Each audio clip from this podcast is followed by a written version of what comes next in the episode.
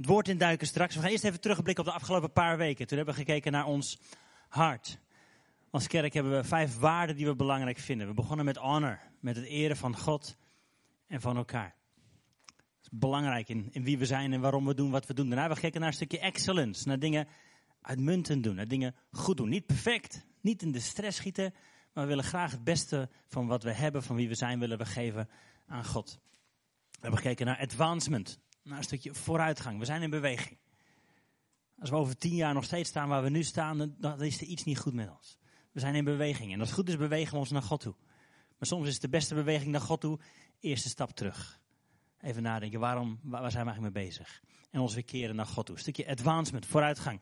Reaching out hebben we vorige week naar gekeken met uh, Eelke van Dien je Stad. Fantastisch wat zij doen met netwerk Dien je Stad in Ede. Met honderden vrijwilligers. Hoe ze heel veel mensen kunnen bereiken. Hoe ze achter voordeuren komen. Maar ze heel praktisch mensen mogen helpen en daarmee een getuigenis kunnen zijn van wie Jezus is en van zijn liefde. Nou, heeft iets met mij gedaan. Ik hoop ook met als kerk. Hoe we denken, oh ja, reaching out betekent niet per se op een sinaasappelkistje voor de HEMA. Maar wij, jij en ik, wij zijn wel boodschappers van zijn genade. Dus hoe gaan we dat doen? Kan heel praktisch. En togetherness hebben we ook nog naar gekeken. De laatste, de T van togetherness. We zijn samen. We zijn één lichaam. We zijn allemaal anders, gelukkig, allemaal verschillend. Maar we're in this together. We gaan dit samen doen als gezin. Dus uh, dat zijn de vijf belangrijke waarden waar we zo naar gekeken hebben met elkaar. Ook een klein beetje vooruitblikken naar 6 maart. Goed, misschien even je agenda te zetten. Zondag 6 maart hebben we na de dienst. Meteen vieren we dat we dan twee jaar bestaan. Dat is natuurlijk superleuk om, om te kunnen vieren met elkaar. En om 12 uur, als we allemaal ons taartje binnen hebben en onze kopje koffie op hebben, dan komen we hier weer terug met de mensen die dat graag willen gaan we eventjes kijken naar eh, een soort info-meeting, zeg maar, over Connect Kerk. Dus even kijken naar een stukje, hoe zit het ook alweer met, met lidmaatschap, met leiderschap, met financiën. Al die dingetjes die je wilt weten, komen dan aan de orde. We zullen het nog wat verder aankondigen. Het is ook fijn als je eventuele vragen die je hebt, kun je natuurlijk altijd al stellen. Maar kun je ook eventjes mailen. Dan kunnen we het gewoon goed voorbereiden op die dag. Dus 6 maart gaan we dat doen meteen na de dienst. Het is tof als je daarbij kunt zijn. Dus vooral voor die mensen die zeggen, dit is mijn huis, dit is mijn familie, hier help ik mee, hier bid ik mee, hier geef ik mee, hier zet ik me voor in. Dus uh, tof als je erbij kunt zijn. Dan pakken we onze Bijbel erbij en het is Valentijnsdag, dus we gaan lezen 1 Korinthe hoofdstuk 13.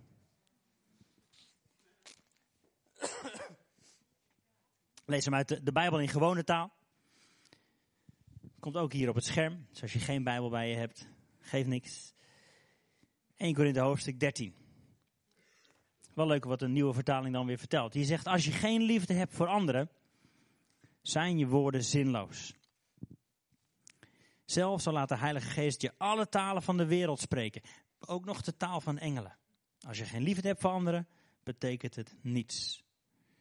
Zelfs zal laat God je zijn boodschap bekendmaken en krijg je van hem al zijn geheime kennis. En zelfs al heb je zo'n groot geloof dat je bergen kunt verplaatsen. Als je geen liefde hebt voor anderen, is alles wat je doet zinloos. Zelfs al verkoop je je bezit, geef je het geld aan de armen, al sterf je in het vuur omdat je je leven geeft voor de goede zaak. Maar liefde is geduldig en vriendelijk zijn. Niet jaloers zijn, niet vertellen hoe goed je bent. Jezelf niet belangrijker vinden dan een ander. Liefde is een ander niet beledigen. Niet alleen aan jezelf denken en geen ruzie maken en geen wraak willen nemen. Liefde is blij worden van het goede en een hekel hebben aan het kwaad. Door de liefde verdraag je alles wat er met je gebeurt. Door de liefde blijf je geloven en vertrouwen. En door de liefde blijf je altijd volhouden. Sorry. En een kort stukje uit 1 Johannes 7 erachteraan staat: Lieve vrienden, we moeten elkaar lief hebben, want de liefde komt van God. Iedereen die lief heeft, is een kind van God en kent God. En wie niet lief heeft, kent God niet. Dan heel bekend, want God is liefde. Want God is liefde. Gaan bidden.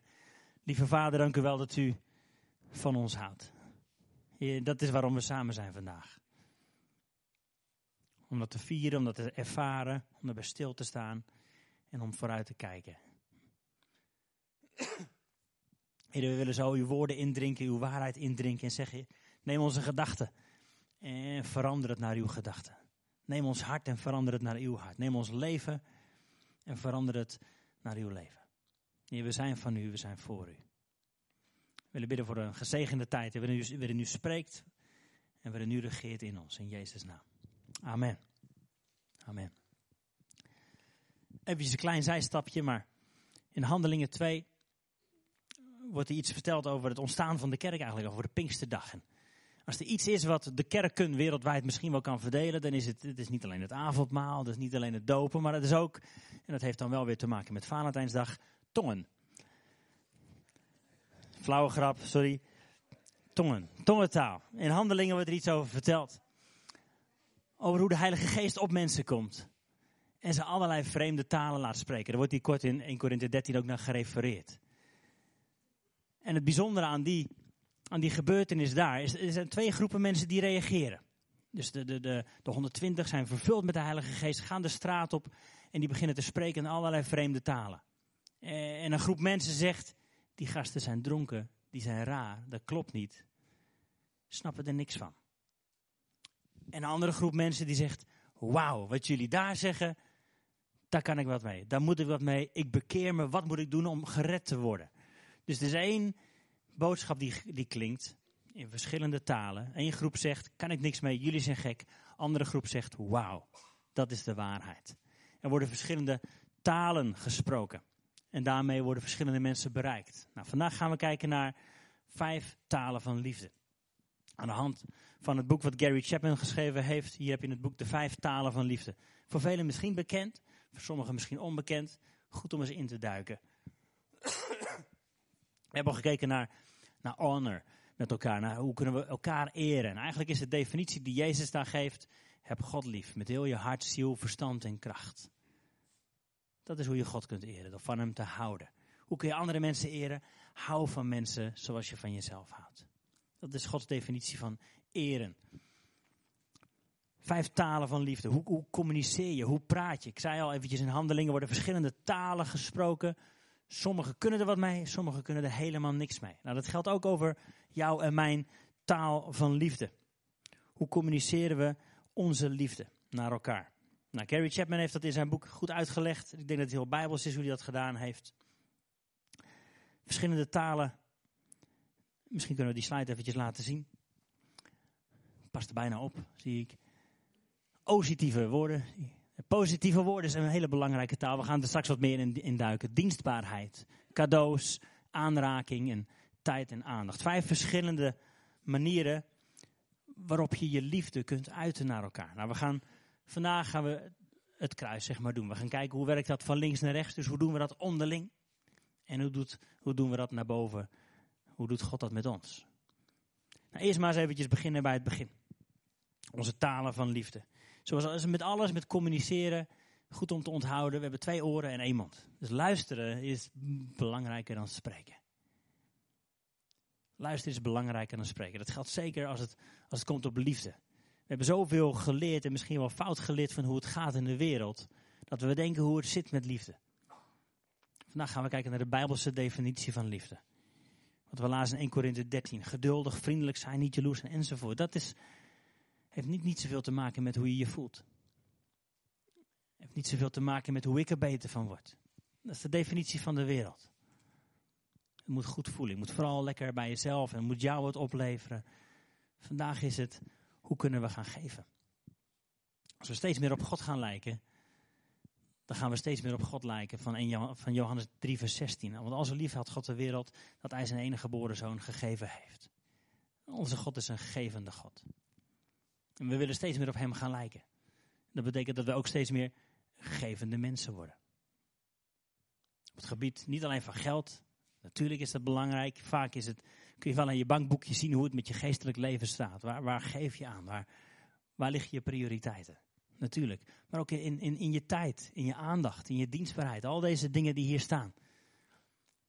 We willen gevende mensen worden. En dat betekent dat we eerst eens moeten gaan luisteren. Hoe kan ik jou het beste dienen? Hoe kan ik je echtgenoot, je echtgenoten, maar ook je vrienden. Als je single bent, ben je niet uitgesloten. Dat geldt ook voor jou. Hoe kun jij de mensen om je heen het beste dienen? En dat betekent dat je gaat luisteren, gaat kijken, gaat observeren.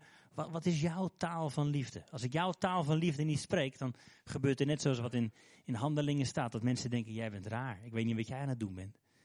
Maar dit raakt mij niet. We willen leren de juiste taal van liefde te gaan spreken. Beginnen we bijvoorbeeld bij het bovenste, bij positieve woorden. Dat kan jouw liefdestaal zijn. Positieve woorden. Misschien bloei jij helemaal op van een complimentje. Of van als iemand tegen je zegt, wat zie je er leuk uit. Zit je haar tof. Goede kleren. Dat heb je goed gedaan. Als dat, als dat zo is, dan is het tegenovergestelde bijna ook waar. Dat je enorm aangevallen, aangeraakt, misplaatst kunt voelen als iemand een keer iets niet zo aardigs tegen je zegt. Hé, dat was niet zo tof wat je deed. Dat kan je echt raken als een ziel in je, als een zwaard in je ziel. Woorden. Woorden. Dat is ook wat de Bijbel zegt natuurlijk in Johannes, of in Jacobus, sorry. Jacobus 3. Ik lees het even voor. Wij gebruiken onze tong om God onze Vader te danken, maar we gebruiken onze tong ook om andere mensen te vervloeken. En die mensen zijn ook door God gemaakt. Ze lijken op God, net als wij. Uit één mond komen dus mooie woorden, maar ook afschuwelijke woorden. Het is niet goed, vrienden. Uit een bron stroomt nooit de ene keer zoet water en de andere keer bitter water. Uit een bron met zout water kan geen zoet water stromen. Van een vijgenboom komen ook geen olijven en van een druivenplant geen vijgen. Nee, vrienden, dat kan niet. Onze woorden. Onze woorden. Misschien is het jouw taal van liefde. Voor mij is het een hele belangrijke taal. Als iemand mij een compliment geeft. Als iemand zegt, hé, hey, dat heb je leuk gedaan, dat heb je goed gedaan. Dan kan ik een hele poos opteren. Er kunnen honderd cadeaus niet tegenop. Maakt me niet uit of je een cadeau koopt of niet. Interesseert me niet. Als je maar zegt dat ik leuk ben. Of zo. Weet je wel? Dat, dat helpt mij. Misschien herken je dat bij jezelf. Stille hint, jongens. Was die niet stil? Oké. Hele belangrijke taal. Positieve woorden wat een valkuil is, mijn valkuil bijvoorbeeld, mijn taal, dit, dit komt bij mij hard binnen, dus ik denk dat de rest van de wereld ook gebaat is bij positieve woorden. Ik denk dat iedereen zich geliefd voelt als ik tegen iedereen zeg, wat ben je leuk. Wat zie je er goed uit, wat heb je dat goed gedaan. Maar dat hoeft helemaal niet zo te zijn. Misschien is jouw taal een hele andere taal. En komt mijn bemoedigende woorden komen helemaal niet bij je binnen. Zou kunnen. En dan voel jij je niet geliefd. Terwijl ik toch al tien keer gezegd heb dat je leuk bent. Maar als ik jou geen cadeautje heb gegeven, dan komt het bij jou niet binnen. Heel praktisch. Heel praktisch. Wat is jouw taal van liefde? Bemoedigende woorden? Misschien is dat dienstbaarheid. Dienstbaarheid. Heb ik niet zoveel mee. Ik doe niet zo snel iets uit mezelf. Vraag maar aan Heidi. Die zal het erkennen. Maar ik zeg veel liever dat ik van haar hou en dat ik haar mooi vind. Dan dat ik uh, dingen voor haar ga doen of de zolder ga opruimen. Vind ik niet zo makkelijk. Als iemand zich vrijwillig wil opgeven hierbij. Maar heel praktisch. Is, is dit jouw taal van liefde? Misschien herken je het wel, dat je voor je vrienden alles doet. Maar dat ze toch denken van, ja, vindt hij ons nou wel leuk? Misschien, misschien doe je alles thuis voor je man of voor je vrouw. Altijd het huis keurig opgeruimd maar geef nooit eens een keer een knuffel. En dan komt die liefde niet binnen. Wat is jouw taal van liefde? Dienstbaarheid. Misschien wel. Misschien herken je dat in het verhaal van Martha en Maria. Jezus kwam op visite. En Martha was aan het schoonmaken, was aan het koken, was alles aan het regelen. Maar Maria zat rustig bij Jezus' voeten en Martha dacht, ja, maar ik laat mijn liefde juist zien doordat ik alles voor elkaar heb. Maria houdt eigenlijk helemaal niet van Jezus, want ze doet niks. Twee verschillende talen van liefde. En dat kan botsen als je van elkaar niet snapt wat jouw taal van liefde is, wat mijn taal van liefde is. En daarom luisteren is belangrijker dan spreken of doen. Eerst eens observeren, eerst eens horen van elkaar. hey, hoe zit het bij jou? Waar kan ik jou het beste mee helpen? Wat komt bij jou het beste binnen? Misschien is dat dienstbaarheid. Misschien zijn dat cadeaus. Voor heel veel van onze kinderen geldt dat, denk ik. Als je iets meeneemt voor ze als je ergens geweest bent, dan weten ze, ah, oh, papa houdt van me.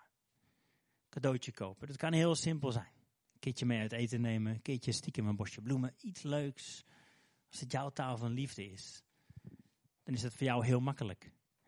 Maar misschien neem je elke week een bosje bloemen mee naar huis, maar zeg je nooit tegen je vrouw, wat ben je mooi. En dan komt hij niet binnen. Wat is jouw taal van liefde? Lichamelijke aanraking dan. Zijn nog mannen in de zaal? Het geldt niet alleen voor seks. Maar dit geldt ook voor een knuffel. Voor een arm om je heen. Voor even, even aanraken. Gewoon even laten weten. hey, ik, ik zie je, ik voel je, ik weet dat je er bent. Dat zie je denk ik in heel veel andere culturen. Meer dan in onze toch wat stijve Hollandse cultuur. Ik weet nog dat we op de Bijbelschool in Denemarken zaten. En dat was een mooi verhaal van een, eh, een Duitse jongen. Nou, die zijn misschien nog wel wat strikter dan Hollanders. Die goed bevriend raakte met een Nepalese jongen. En ze zaten zo tijdens de les naast elkaar aantekeningen te nemen. En in één keer voelde die Duitser een hand op zijn knie. Dat was even schrikken. Hij dacht, wat gebeurt hier nou? Dat was eigenlijk vanuit, vanuit die Nepalese jongen gewoon even... hey, ik laat je even weten dat ik je echt tof vind. Je bent een goede broer voor me. Er zat helemaal geen verkeerde of rare bedoeling bij. Dat is gewoon eventjes, eventjes aanraken. Ook wel weer heel mooi. Ik weet nog dat toen we net begonnen waren met, met Connect Kerk dat er ook een, paar keer een jongen kwam. En simpelweg omdat we bij de deur stonden, even een handje gaven, even een huk gaven. En die jongen begon helemaal op te bloeien. Heeft daar een stuk genezing in ervaren. Gewoon door even, even een knuffel. Even laten weten, hé hey man, ik zie je. Goed dat jij er bent. Misschien is het jouw taal van liefde niet. En denk je, alsjeblieft, blijf van mijn lijf. Kan, snap ik. Hoef ik niet bij iedereen te doen natuurlijk. Maar voor sommige mensen is dit juist een sleutel tot doorbraak. geldt ook in, in hoe, hoe zijn we getuigen naar, naar onze vrienden en onze familie. Leren we de taal van liefde te spreken. Vaak denken we, we moeten meteen erbovenop met allerlei woorden en waarheden. Eh, misschien moeten we eerst de atmosfeer ontdooien met de juiste taal van liefde. Misschien is dat wel af en toe even een, gewoon een hand op de schouder van je collega. Zou kunnen. Geeft niks. Lichamelijke aanraking. En de laatste, de moeilijkste van allemaal, denk ik, tijd en aandacht tijd en aandacht. Dat zie je ook bij kinderen terug. Soms is het makkelijker om te zeggen, hier heb je een cadeautje, ik vind je leuk en lief en huppakee. Maar nee, tijd en aandacht. Even de tijd nemen. En dat probeer ik af en toe te doen met onze kinderen. Af en toe even samen, eh, even, even lekker koffie drinken of ergens gaan zitten. Zeker bij een van onze dochters is dat helemaal haar ding. Even tijd alleen even tijd en aandacht voor elkaar. Over niet per se hele diepe gesprekken meteen te hebben. Gewoon even elkaar aankijken. Samen zijn. Wat is jouw taal van liefde? En wat is de taal van liefde die je moet leren spreken? Ik denk dat we allemaal één of twee voorkeurstalen hebben. En er is helemaal niks mis mee. Dat is, dat is hoe je bent, dat is wie je bent, dat is hoe God je gemaakt heeft. Prima. Maar ik denk dat we allemaal nog kleine stapjes kunnen maken in al die andere talen voor onze partners, voor de mensen om ons heen, voor onze familie en vrienden, collega's. Hoe kunnen we leren hun taal te gaan spreken? Eerst eens luisteren, eerst eens kijken. En vragen aan God, wat, welke taal kan ik gaan spreken naar, naar die ander? Dat is dus van links naar rechts. Hoe doen we dit onderling? Hoe spreken we elkaars taal van liefde? Er is ook een leuke website, uh, www.liefdestalen.nl. Noteer het eventjes. Ga er thuis mee aan de gang. Dat kan je echt helpen. Het kan relaties absoluut gaan omdraaien. Als je weet, hoe kan ik effectief laten weten, ik vind je tof. Ik ben er voor je, ik hou van je. Is dat door woorden? Is dat door dienstbaarheid, door dingen te doen voor elkaar? Kun je het niet lezen. Is het door cadeaus? Lichamelijke aanraking of is het door tijd en aandacht? Hoe, hoe kunnen we elkaar laten weten, we zijn tof. We zijn vrienden, we zijn partners, we houden van elkaar. Dat is van links naar rechts. Hoe doen we het onderling? Natuurlijk geldt het ook van boven naar beneden. Ik geloof dat God de allerbeste liefdestalen expert is die er bestaat. Hij kent jou en mijn liefdestaal. Positieve woorden bijvoorbeeld. De Bijbel staat er vol mee. De Bijbel staat er vol mee. Je bent mijn oogappel. Ik ken je, ik hou van je, ik heb jou uitgekozen voor de grondlegging der wereld. Mijn hand is op je, je bent nooit alleen continu, continu, dat God ons bevestigt dat hij van ons houdt. De hele Bijbel staat er vol mee. Dat is Gods positieve woorden, hoe hij er voor ons is, altijd. God continu dat aan het doen is. Positieve woorden. Dienstbaarheid dan, lezen we over. Matthäus 20 gaat, staat dat. Dat Jezus riep zijn leerlingen bij elkaar en zei: Jullie weten hoe het gaat in de wereld. Koningen heersen over hun volk. Mensen met macht spelen de baas. Niet zo bij jullie. Als je de belangrijkste wil zijn, moet je anderen dienen. Als je de voornaamste wil zijn, moet je anderen dienen zoals een slaaf doet. Zo is het ook met de mensenzoon. En dan wijst hij naar zichzelf. Ik ben niet gekomen om over mensen te heersen. Ik ben er juist om mensen te dienen. En ik zal mijn leven geven om veel mensen te redden. Dat is wat we ook lezen in 1 Johannes 4. God is liefde en hieraan heeft hij zijn liefde bekendgemaakt dat hij, toen wij zondaars waren, naar ons toegekomen is om voor ons te sterven. Hij is een dienstknecht geworden. Dat is wie God is. God lijkt op Jezus trouwens. Soms lees je het Oude Testament en dan denk je, waar, kan dit allemaal naartoe gaan? Hoe, werkt dit? God lijkt op Jezus. Jezus is als een dienstknecht naar ons toegekomen. Hij spreekt die taal van liefde. Hij is gekomen om ons te dienen. Een leuke eye-opener vond ik toen ik dat voor het eerst hoorde. Jezus zegt, ik ben niet gekomen om gediend te worden. Vaak denken we, wij moeten God gaan dienen. Ja, maar heel praktisch, hoe doe je dat dan? Als Jezus zegt, ja, maar ik hoef niet gediend te worden. Misschien kunnen we God wel het beste eren door anderen te gaan dienen. God kent die taal van liefde. Hij is gekomen om ons te dienen. Cadeaus dan. Misschien een leuk stukje om te lezen uit Lucas 5. Pak het er eventjes bij. Lucas 5, een grappig cadeau van Jezus. Ik heb het niet uitgetypt. Even kijken, Lucas 5, vers 1 tot 11. Op een keer stond Jezus bij het meer van Genesaret. En er stond een grote groep mensen dicht om hem heen. Die wilden allemaal de boodschap van God horen. Lucas 5. Toen zag Jezus twee boten liggen. De vissers stonden bij hun boten de netten schoon te maken. Jezus stapte in een van die boten. Het uh, was de boot van Simon, later Petrus. Jezus vroeg hem om een stukje het meer op te varen. En vanaf de boot sprak Jezus tegen alle mensen aan de kant. En toen hij uitgesproken was, zei hij tegen die vissers, Simon, vaar naar dieper water en gooi je netten uit, we gaan vissen. En Simon zei, ja meester, we hebben de hele nacht hard gewerkt, niks gevangen. Maar omdat u het zegt, zal ik het doen. Simon en zijn helpers gooiden de netten uit en deze keer vingen ze een heleboel vis. De netten zaten zo vol dat ze begonnen te scheuren. De mannen riepen hun vrienden een andere boten bij. Die kwamen en samen vulden ze de twee boten met vis. Zoveel vis dat de boten begonnen te zinken. En toen Simon Petrus dat zag, knielde hij voor Jezus en zei: Heer, ga van me weg, ik ben een slecht mens. Simon was namelijk erg geschrokken omdat ze zoveel vis gevangen hadden. Ook zijn helpers waren erg geschrokken. Net als zijn vrienden in de andere boot. Dat waren Jacobus en Johannes. Jezus zei: Je hoeft niet bang te zijn. Vanaf nu zul je mensen vangen in plaats van vissen. Toen trokken de vissers de boot aan land en ze lieten alles achter en gingen met Jezus mee. Ik denk voor een buitenstaander is dit eigenlijk heel normaal. Vissers in een boot gaan erop uit, vangen vis, komen terug. Dus niet een heel bijzonder cadeau of zo. Maar Simon wist, ik heb alles al gedaan wat ik kon doen. We hebben de hele nacht al gevist, we hebben ons hartstikke best gedaan. Maar het werkt niet. Maar Jezus gaf hem dit cadeau. Toen hij gehoorzaam was en nog een keertje was uitgevaren, gaf hij hem dit cadeau. Twee boten vol met vis dat ze bijna begonnen te zingen. Wat een raar cadeau. Alleen Petrus wist uiteindelijk wat de betekenis van dit cadeau was. En daarom zie je ook zijn reactie. Nou, ik geloof dat God ook zo naar jou en mij kijkt. Weet je, voor heel veel mensen die misschien in de tijd van Abraham leefden, was het niet meer dan normaal dat hij uiteindelijk een zoon kreeg. Heel veel mensen krijgen een zoon. Maar Abraham wist hoe bijzonder het was in zijn situatie.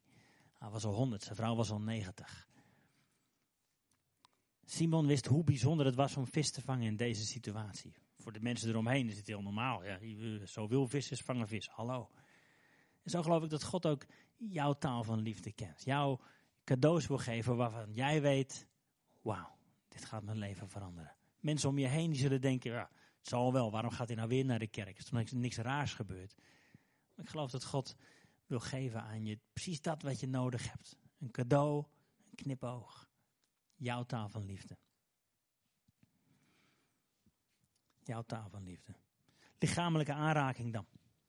Als je het Nieuwe Testament leest, dan zijn wij geneigd vaak om te kijken naar. Nou, we hebben, we hebben kerst, Jezus is geboren. En daarna leeft hij een poosje en daarna is hij gestorven aan het kruis. En dan staat hij weer op en dan gaat hij naar de hemel. Zo vatten we vaak samen de bediening van Jezus. Maar als je tussen al die verhalen die drie jaar bestudeert, staat het vol met lichamelijke aanraking. Voor mensen die eigenlijk niet aangeraakt mochten worden. In de tijd van Jezus mocht je geen mensen aanraken die onrein waren, die ziek waren, die verlamd waren enzovoort. Dat deed je niet, want dan werd je zelf ook onrein. En dat wou je niet. Jezus' bediening stond vol met lichamelijke aanraking. Handoplegging. Noem maar op. In Lucas 13 staat er een voorbeeld van, gaan we nu niet lezen. Maar Jezus legde de hand daar op een vrouw die bezeten was. Mocht eigenlijk helemaal niet, maar hij legde de handen op. En door die lichamelijke aanraking was er genezing. En misschien is het wat lastig om dat nu te ervaren dat God ons lichamelijk aanraakt. Maar soms in tijden van aanbidding, zoals vanochtend met het nieuwe mooie lied van Jona. Als je even daar stilstaat, je handen opent, dan weet je dat je weet dat je weet dat God je aanraakt. Dat Hij bij je is, dat Hij je omarmt. Als het jouw taal van liefde is, God wil die taal met je spreken. En tijd en aandacht. Een hele mooie hiervan, is een heel kort Bijbeltekstje uit Psalm 46, waarin staat: Wees stil en weet dat ik God ben. Even niks meer moeten. Even niet meer bemoedigende woorden, even geen dingen meer doen voor elkaar, geen cadeautje. Nee, nee, nee. Wees stil. Even tijd en aandacht voor elkaar. Ik denk dat daar de sleutel ligt voor heel veel van ons. Dat we in die tijden van stilte opnieuw gaan ervaren, ah ja, al die andere dingen, doet er even niks meer toe. We zongen het net ook. You are all we need. Je vrede met God is zoveel kostbaarder dan zilver, goud en heel veel werk. Wees stil. Tijd en aandacht. Bijzonder, die liefdestalen. Hoe, hoe kunnen we die naar elkaar spreken? Hoe, hoe spreekt God die tot ons? En heel vaak zie je dus dat er spraakverwarring kan zijn. Dat ik mijn taal van liefde spreek en, jij ervaart iets heel anders. Ik geloof dat het ook geldt in hoe God met ons communiceert. Dat wij heel vaak verwachten dat God wel op die en die manier zal gaan spreken. Als ik kijk naar mezelf geldt dat zeker. Ik verwacht vaak dat God laat zien dat hij van me houdt door situaties te veranderen. Door, noem maar op, werk te geven, geld te geven, te voorzien, cadeaus te geven eigenlijk. Dat is mijn verwachting van God. Terwijl God mij kent en weet, ja, eigenlijk heb je wat anders nodig. Eigenlijk heb je tijd en aandacht van me nodig. Dat je even weer stilstaat. En niet alleen maar blijft kletsen. Niet alleen maar kijkt naar die cadeaus. Niet alleen maar kijkt naar de omstandigheden. Maar God spreekt soms een andere taal van liefde dan wij van hem verwachten. Luisteren we daarnaar? Mag dat? Mag God die andere taal van liefde spreken? Mag hij ons wijzen op? Wees stil. En weet dat ik God ben. Of zeggen, nee God, nu heb ik vandaag eigenlijk alleen maar eventjes dit nodig. Wilt u dat daar aanpassen? Wilt u dat veranderen? In plaats van dat we tegen God zeggen, wilt u, wilt u mij veranderen? Niet per se de buitenwereld, niet, niet per se de cadeaus die u allemaal wilt geven. God heeft het grootste cadeau al gegeven. We zijn nu in Jezus. En in Jezus is alles wat we nodig hebben. En dit is mijn, mijn vraag, mijn uitdaging, mijn oproep naar je. Laten we leren om naar elkaar de juiste taal van liefde te spreken. Geldt voor gezinnen, partners met kinderen, vrienden, familie, mensen die je tegenkomt. Leren en misschien wordt het wel geleid door de Heilige Geest. Ik denk dat hij je daarin wil helpen. Ook naar je collega's, ook naar je vrienden toe. Zeg nu even niks, alleen even een knuffel. Of even niet knuffelen, alleen een bemoedigend woord. Heb je wijsheid in nodig. Maar God wil dat geven. Zodat je een effectieve communicator wordt van liefde. Dat zien we bij Jezus ook terug. Hoe hij op elk moment het juiste wist te doen. De ene keer legde die mensen de handen op om te genezen. De andere keer sprak hij alleen maar. Hij weet precies wat we nodig hebben. En zo mogen wij ook geleid worden door de Heilige Geest om precies te weten wie wat nodig heeft in onze omgeving. Dus dat is één kant. Hoe kunnen we onderling effectief elkaars liefde gaan communiceren? Maar ook zullen we leren om Gods liefde te ontvangen op de manier zoals Hij het wil spreken. Hij kent ons het beste. Soms kijken we naar Gods liefde en zeggen we, ja, maar de wereld is een zootje en mijn leven is een rommeltje en alles zit tegen. God houdt vast niet van me. Terwijl hij misschien wel een andere taal aan het spreken is met je. Taal van rust binnenin. En daardoor zal je omgeving ook heus wel gaan veranderen, heus wel aangepast worden. Maar laten we leren luisteren naar hoe God zijn liefde wil communiceren. En misschien is dat voor jou leren gewoon de Bijbel weer te gaan lezen. Zodat je gevuld wordt met zijn positieve woorden. Zodat jouw gedachten, zodat jouw leven kan gaan veranderen. Misschien is zijn taal op dit moment wel dat je leert ontvangen. Hij kent ons het beste. Zullen we gaan staan en nemen we daar wat tijd voor om voor te bidden?